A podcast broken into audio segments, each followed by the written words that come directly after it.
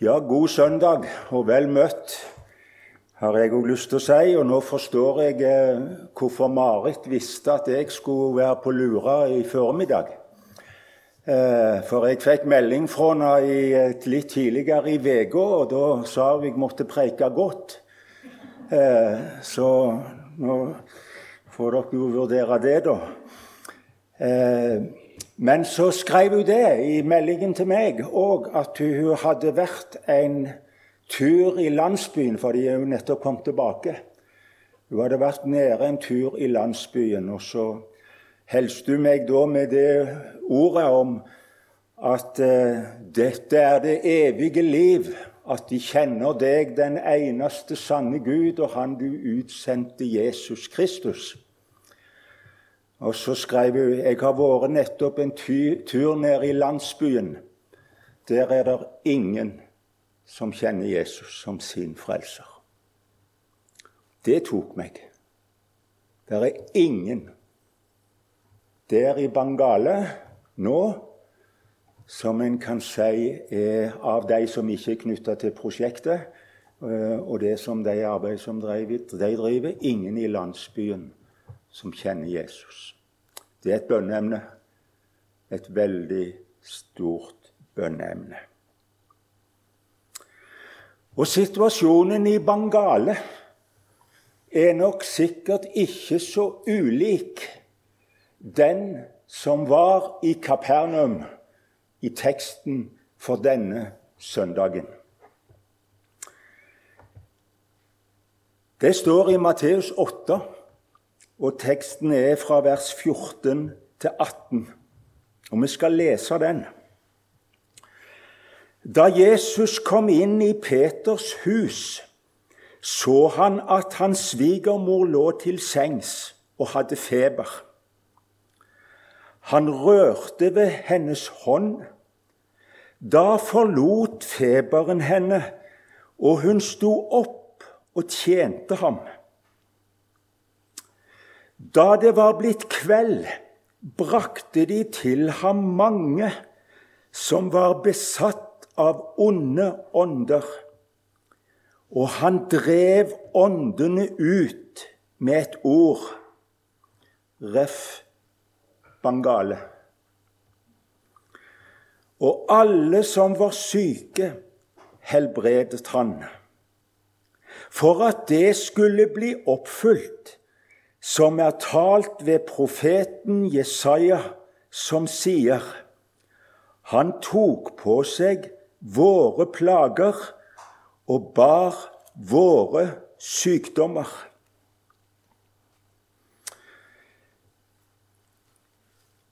Markus gjengir den samme beretningen i kapittel 1. Og da står det at men da det var blitt kveld og solen var gått ned, altså der i Kapernaum utfor Peters sitt hus, da brakte de til ham alle som var syke, og de som var besatt av vonde ånder. Og så står det og hele byen var samla utenfor døren. Helt oppsiktsvekkende ting som foregikk i Kapernaum når Jesus var der.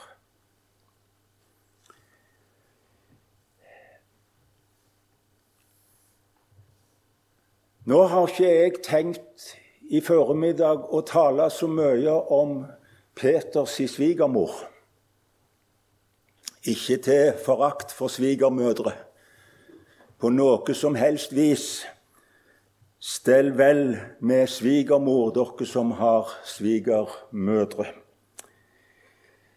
Eh, men det som Matteus egentlig setter fokus på i teksten vår i dag, det er at når Jesus her helbreder Peters svigermor, og seinere samme kveld driver ut vonde ånder, og han helbreder flere syke. Ja, all sykdom, alle som kom til ham med sykdom, helbreder han, leser vi hos de andre evangelistene. Hva er det da som egentlig skjer?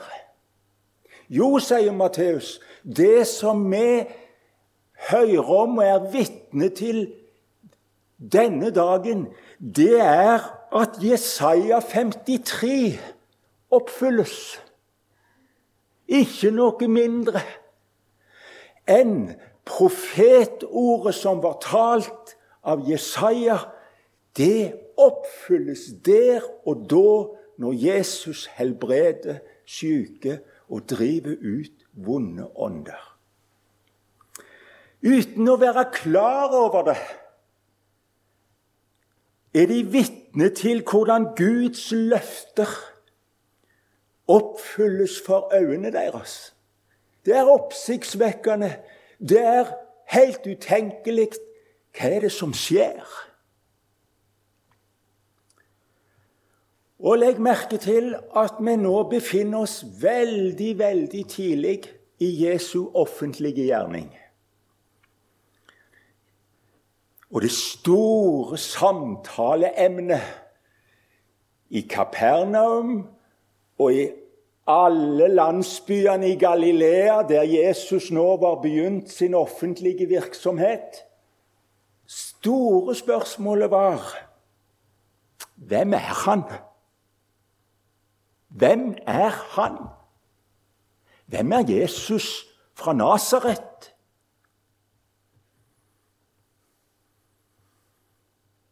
Og ikke bare det. Han ble det store stridsemnet og tema. Det var han de snakket om.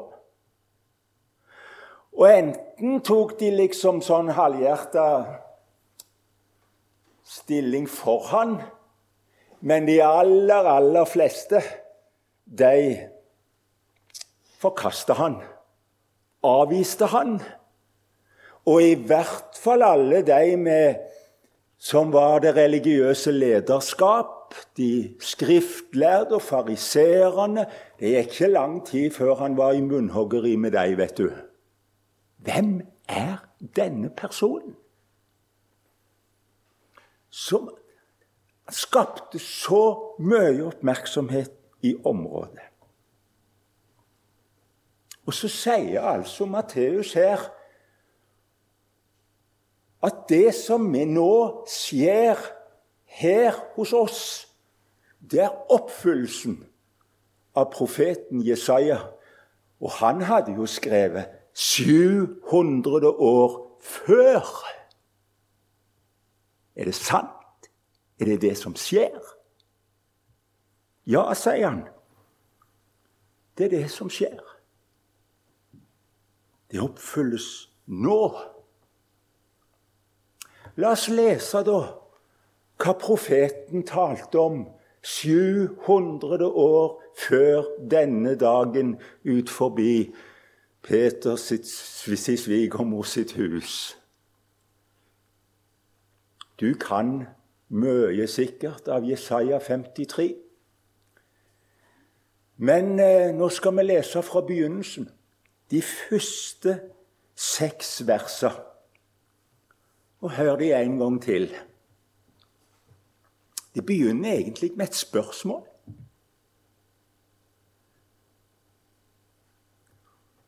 Og tenk over hvem er det som egentlig stiller det spørsmålet? Det begynner slik.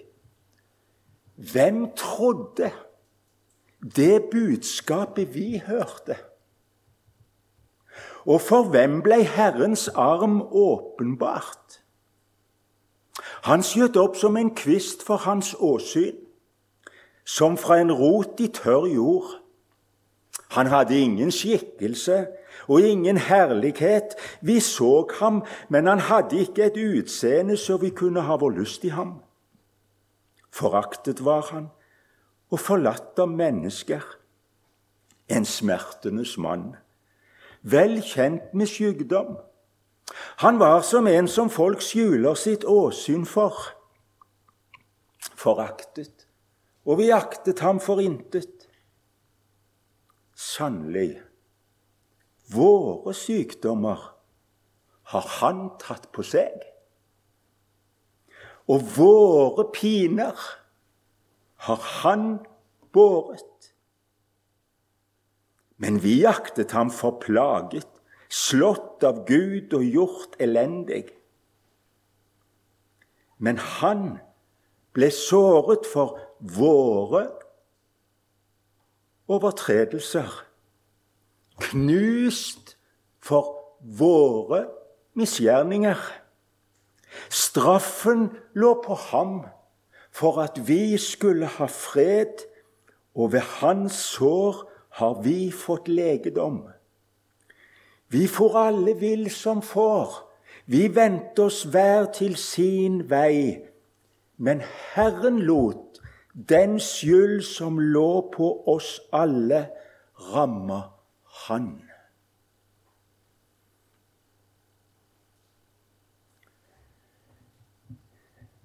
Alle kapittel i Bibelen er viktige. Men dette er kanskje det mest bemerkelsesverdige kapittel som vi har i hele vår bibel. I hvert fall syns jeg det. Et av de mest bemerkelsesverdige kapittel.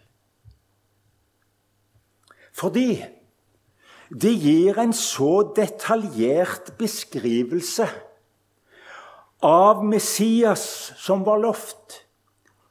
Hans liv, hans virksomhet, hans lidelse, død og oppstandelse 700 år før det skjedde.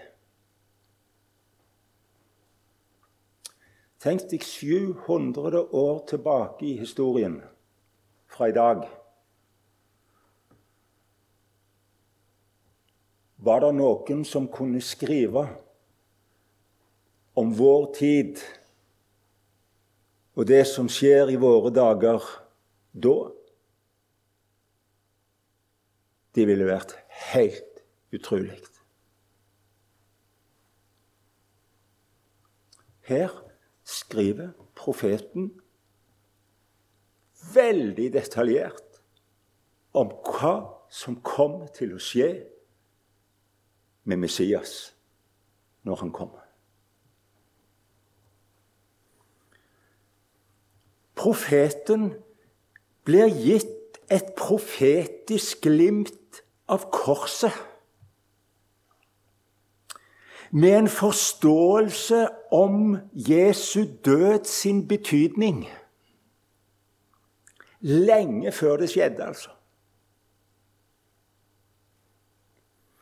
Jesaja beskriver endog de historiske hendelsene som denne Herrens lidende tjener skal oppleve en gang der framme. Og han beskriver de som om det allerede har skjedd. Bare les det en gang til, skal du se. Han blei såra. Det har de facto altså skjedd i profetens syn. Utrolig. Og han beskriver veldig tydelig hvordan Jesus skulle bli forkasta når han kom. De akta han for ingenting. Men mer enn det òg, faktisk. For han profeterer utover Jesu førstekomme. Han profeterer om hva som en gang i framtida Og endog i framtida sett fra dagen i dag hos oss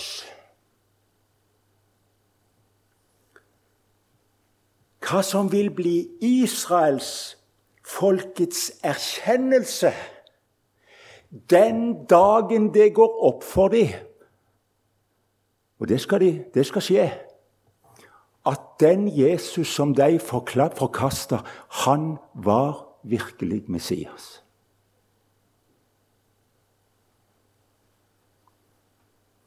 Den dagen kommer for Israel da de skal komme til tru.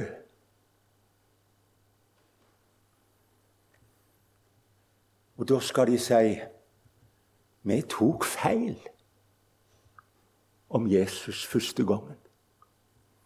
Og da vil de si Du, hvem av oss trodde det budskapet vi hørte? Ja, hvem gjorde det?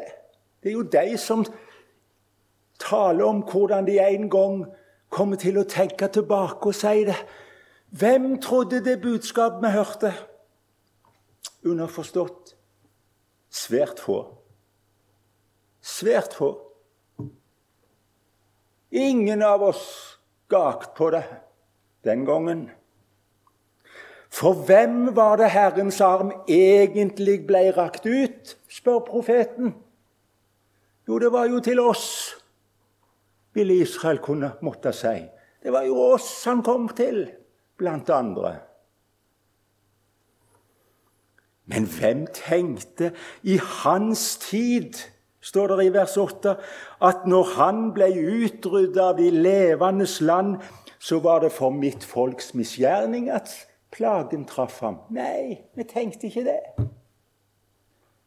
Nei, vi tenkte ikke slik om Jesus.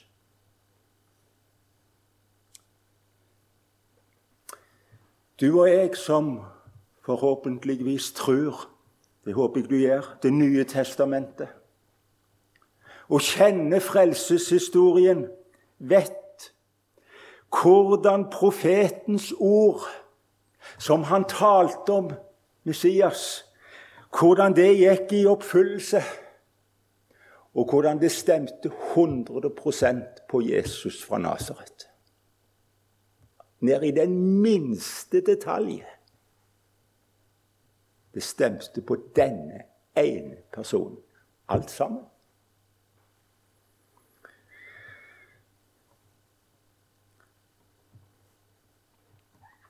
Da han sto offentlig fram, 30 år gammel, og forkynte og sa:" Omvend dere, for himlenes rike er kommet nær. Så vet vi at det gikk nøyaktig slik som profeten hadde forutsett det. De forkasta han. De omvendte seg ikke. De hørte ikke og tok ikke imot. Og du vet, Apostelen Johannes han oppsummerer det slik og sier om Jesus han kom til sine egne, og hans egne tok ikke imot ham. Nei, det var ikke én lik Jesus fra Nasaret de så for seg som kunne være Messias. Det var ikke en slik en de hadde i tanken. Det var ikke slik en Messias de hadde forestillinger om. De hadde forventninger om at når Messias kom, så skulle han kaste ut romerne som hadde okkupert landet deres. Da skulle han gjenreise riket for Israel og gjøre dem til en stormakt og en verdenshersker og ta kommandoen i verden. Det skulle jo Messias. Han skulle jo gjenreise riket for Israel. De venta på en herskerkonge som skulle etablere et verdensrike hvor de skulle herske sammen med han. Og så var det jo Guds folk, Abrahams barn. Og når Jesus står frem og forkynner 'omvend dere' hm, skal vi omvende oss fra? Derfor skal vi det? Vi er jo Guds folk. Vi er jo Guds barn. De så ingen grunn til å omvende seg.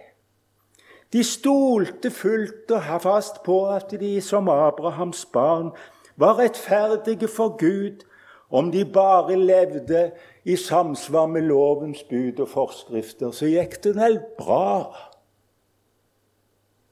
Jeg fortegner litt, men du forstår poenget. De møtte ham med vantro og forakt. Er de alene om å tenke slik?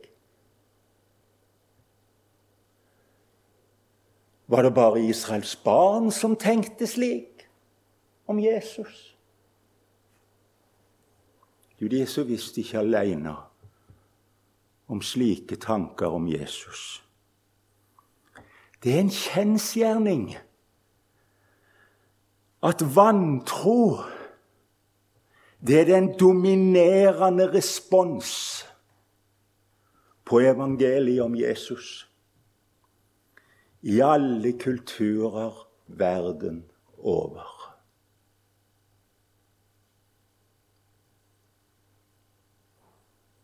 bare se etter.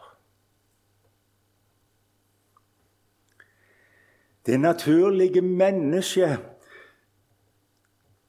Du og jeg, vi er så stolte at vi nekter å bekjenne, erkjenne synd, erkjenne behov for tilgivelse, nekte å bøye oss for noen annen autoritet utenom oss sjøl, nekte å høre at det skulle være en Gud som jeg skulle stå til ansvar for. Nei.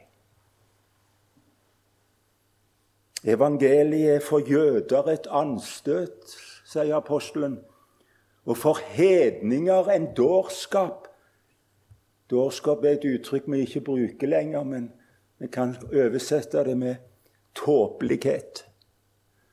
Hedninger anser evangeliet om Jesus Kristus som en tåpelighet.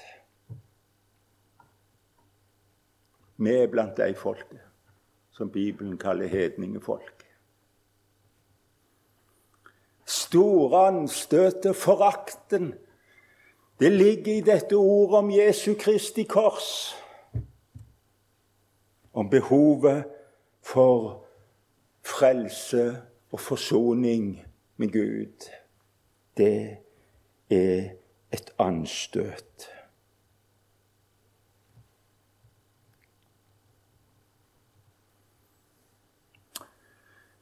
Både det religiøse lederskap og folket på Jesu tid de var uten unnskyldning for ikke å kjenne Jesus som Guds Messias. De var faktisk det. De kunne ikke si at vi ikke hadde hørt om det. De hadde fullt kjennskap til Skriftens løfter og profetier, også profeten Jesaja. Hver sabbat, hver lørdag. Og jeg mener hver. Eneste lørdag var det mann av huset i Israel til synagogen for å høre Moses og profetene lest og talt om i synagogen. Og alle gikk, for det var det som var den sosiale arenaen for folk flest. Alle gikk i synagogen. Å bli utstøtt fra synagogen det var det verste som kunne skje. Så de gikk. De hørte det lest. De hørte det, de visste det. Og til alt overmål så var de nå, allerede fra dag én når Jesus sto fram, var de blitt vitne til alle hans undergjerninger Alt det han gjorde som var så oppsiktsvekkende, uforklarlig, unaturlig. Ja, han helbreda all sykdom og all skrøpelighet. Og når Jesus gikk fra landsby til landsby i Galilea, så står det det at han helbreda all sykdom og all skrøpelighet aldri vært så friske i Galilea som de var på Jesus' i tid. Aldri. Den påstanden våger jeg.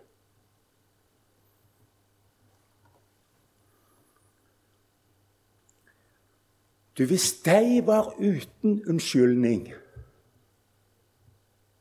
hva da med oss?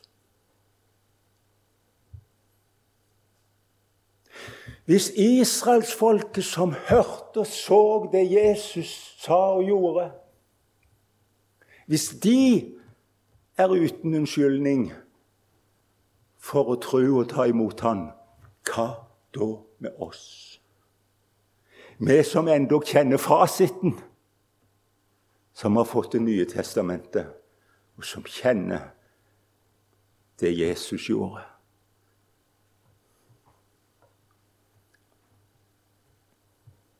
Hvorfor forkaster de Jesus nå som da? Hvorfor?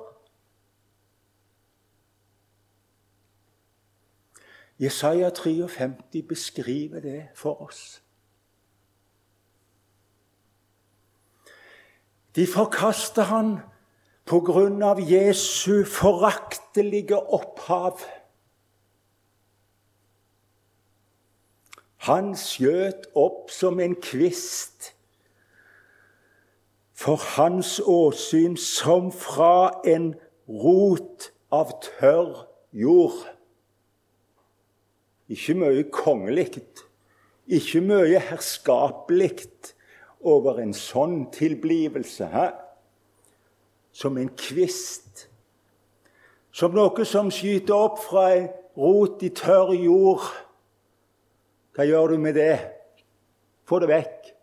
Knekk det av. Bryt det ned.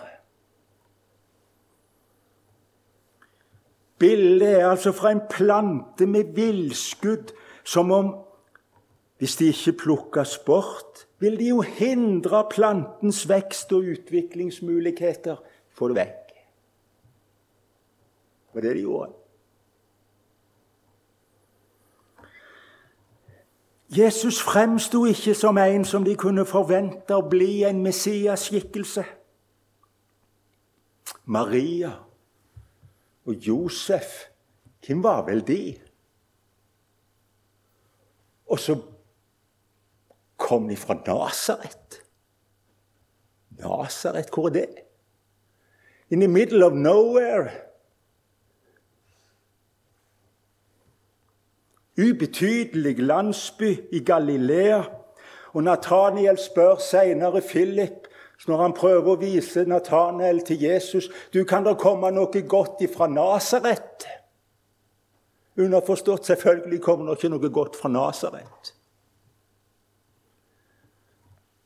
Skulle Messias komme fra Nasaret? Kalle seg nasareer?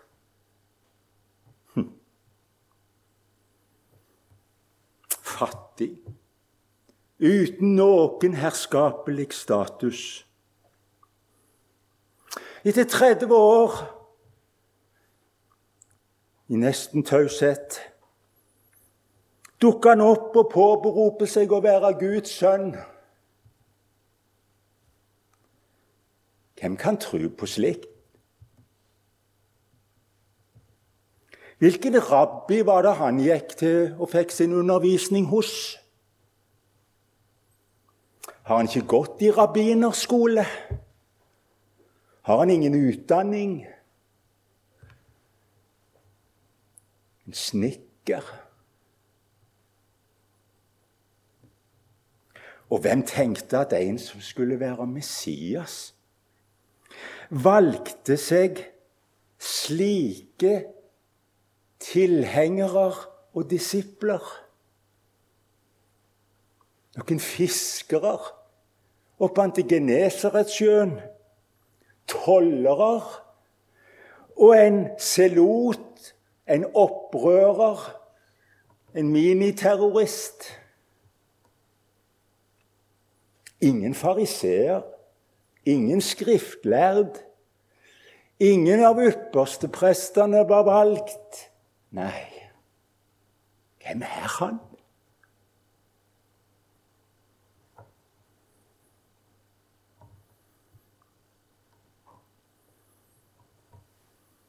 Reaksjonen han fikk når han kom til hjembyen sin Nasaret, ikke lenge etter at han sto offentlig fram,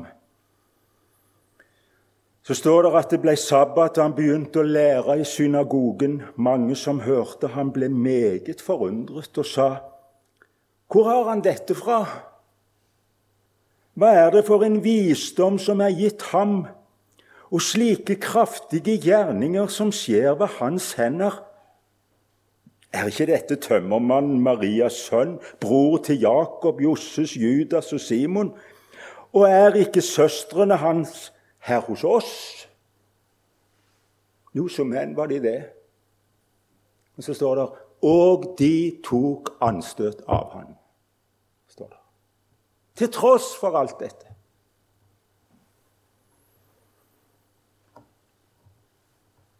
Og du kan lese når han var en annen gang i Nasaret, i synagogen, og hadde åpenbart og talt Skriftene for dem, så prøvde de å drive han ut på det, den pynten som Nasaret lå på, for å styrte han utfor stupet. Slik tok de imot ham.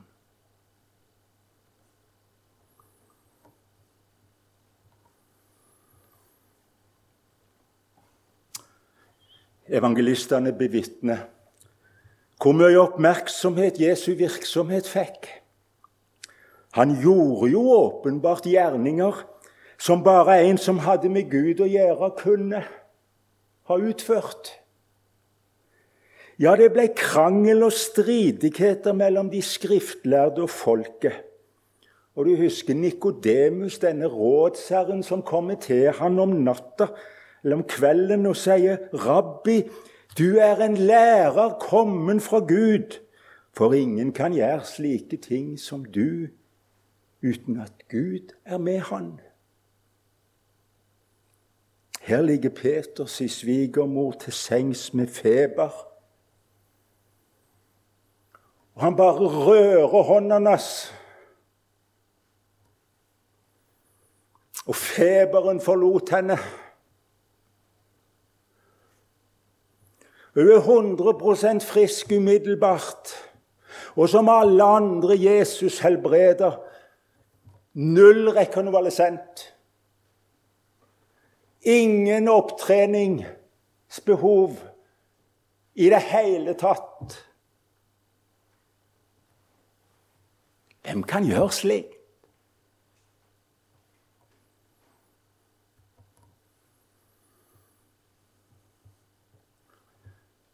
Og til alt overmål så talte han, sier de, med myndighet.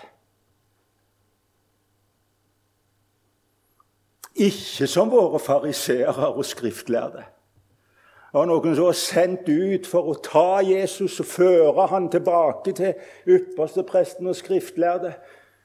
Og så kommer de og treffer Jesus mens han har og står og forkynner. Og så blir de helt paralysert av det de hører. Ingen har talt med slik myndighet. Ingen. Og de kommer tomhendt tilbake til yppersteprestene. For en myndighet!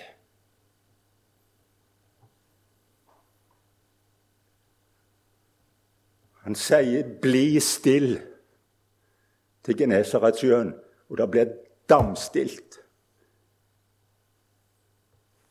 For en myndighet! Han står utfor grava til Lasarus, som har vært død, og han stinker. Det har vært fire dager siden han ble lagt i grav. Og Jesus roper, 'Lasarus, kom ut!' Lasarus kom ut.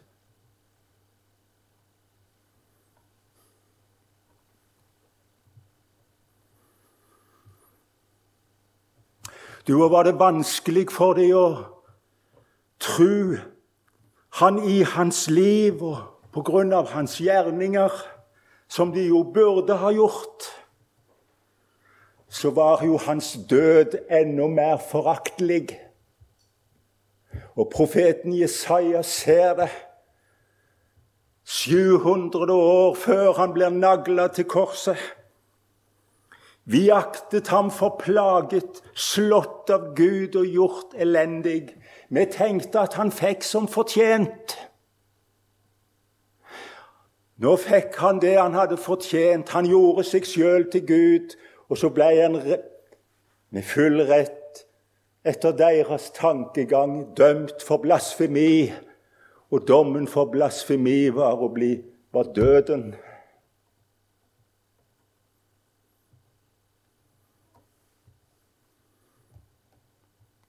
Vi jaktet ham forplaget, slått av Gud og gjort elendig. Vi tok feil. Men vi tok feil. Det skal de en gang erkjenne. Hva var det de hadde oversett da? Hva er det du, de norske folk, overser i møte med ordet om Jesus Kristus? Hva er det de overser? Hvor er det vi tar feil? Du, Jesus sier til Emmaus-vandrerne, vet du Så uforstandige dere er, og så trege i hjertet til å tro alt det som profetene har talt. Og så sier han, måtte ikke Messias lide alt dette, og så gå inn til sin herlighet. Måtte han ikke først dø?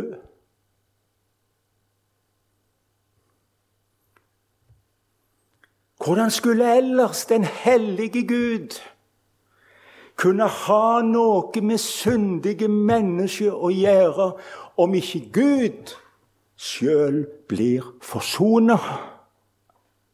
Det har de oversett. Det er det vi ikke vil forholde oss til. Frelse sikkert sagt det før her. Frelse, det er å bli berga fra en livsfare. Ikke sant? En livsfare som om ingen, hvis ingen kommer og befrir meg, så går det evig galt. Da er det døden og undergang.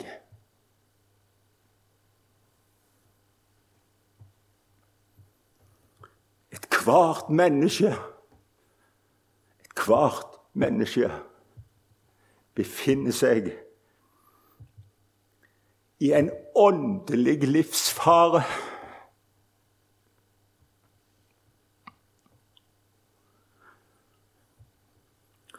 Våre misgjerninger har skilt oss fra Gud. Og Guds dom er klinkeklar. Den som synder, skal dø. Den som synder, befinner seg under Guds vredes dom. Unnskyld det tøffe uttrykket. Men slik er fakta.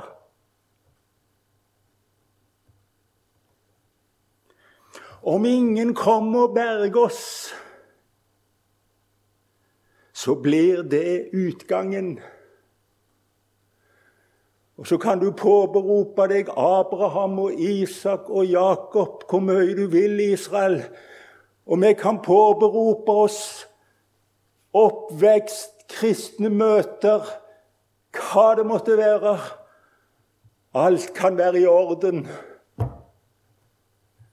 Men hvis ikke synda vår blir tatt bort,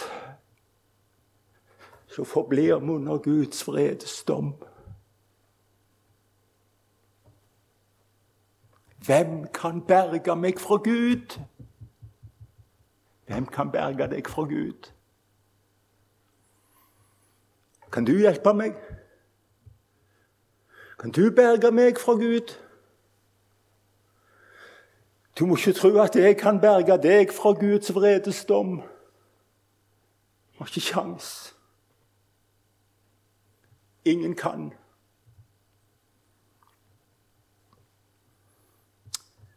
Vet du hva? Det er bare Gud som kan frelse oss fra Gud. Bare Gud kan frelse oss fra Gud. Og vet du hva evangeliet er? Evangeliet sier at det har faktisk Gud gjort. Og det var derfor han sendte Jesus, sin Guds enbårne sønn, som er Gud og sant menneske. Gud har gjort det mulig. Men det er bare mulig i Han. Det er bare mulig i Jesus Kristus.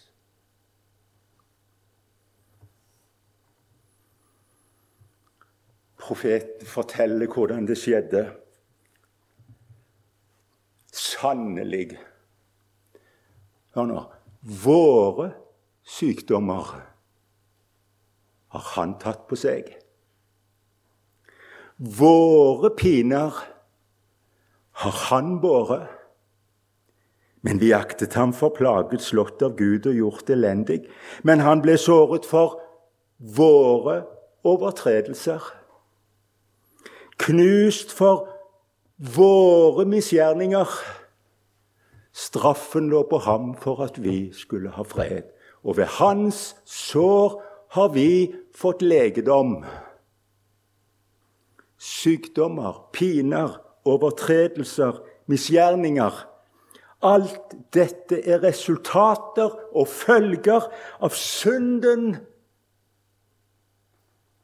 som bor i oss og rundt oss. Ikke sant?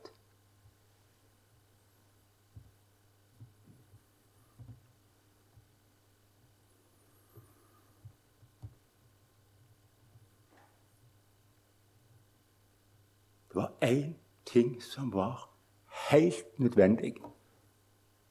Det var at Jesus måtte ta bort synden. For ved det så tok han også alle syndens følger og konsekvenser.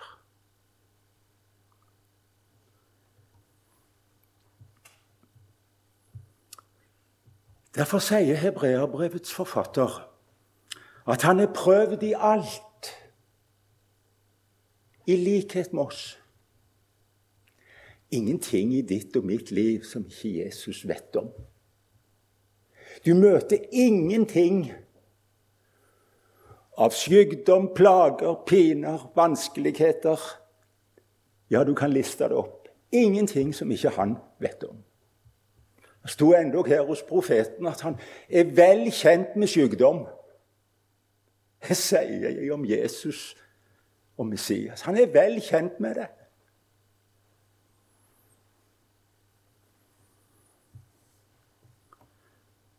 Og så ser profeten inn i dette forunderlige mysteriet i Gud. Du, det verste i Jesu fornedrelse, dom og død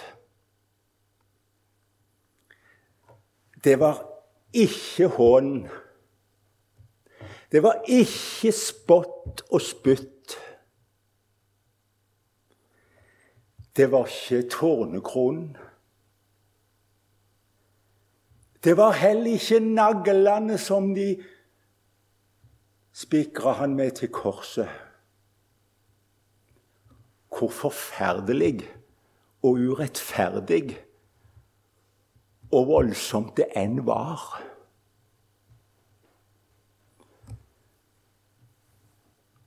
Men det verste av Jesu fornedrelse, vet du hva det var? Det var å bli gjort til synd. Det var å bli gjort til synd. For det, det hadde han ikke i seg sjøl. Det visste han ikke om. Å bære våre synder, det var det sværeste i Jesu død. Og hun husker han i Getsemane. Far, er det mulig, så la denne kalken gå meg forbi. Er det en mulighet å slippe dette?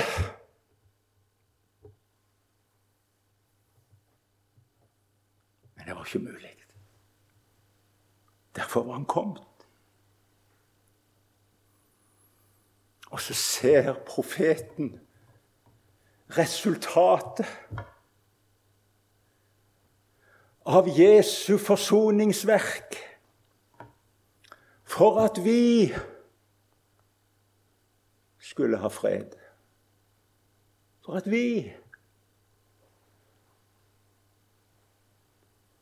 Ved hans sår har vi fått legedom. Du, jeg, de som vil ta imot ham.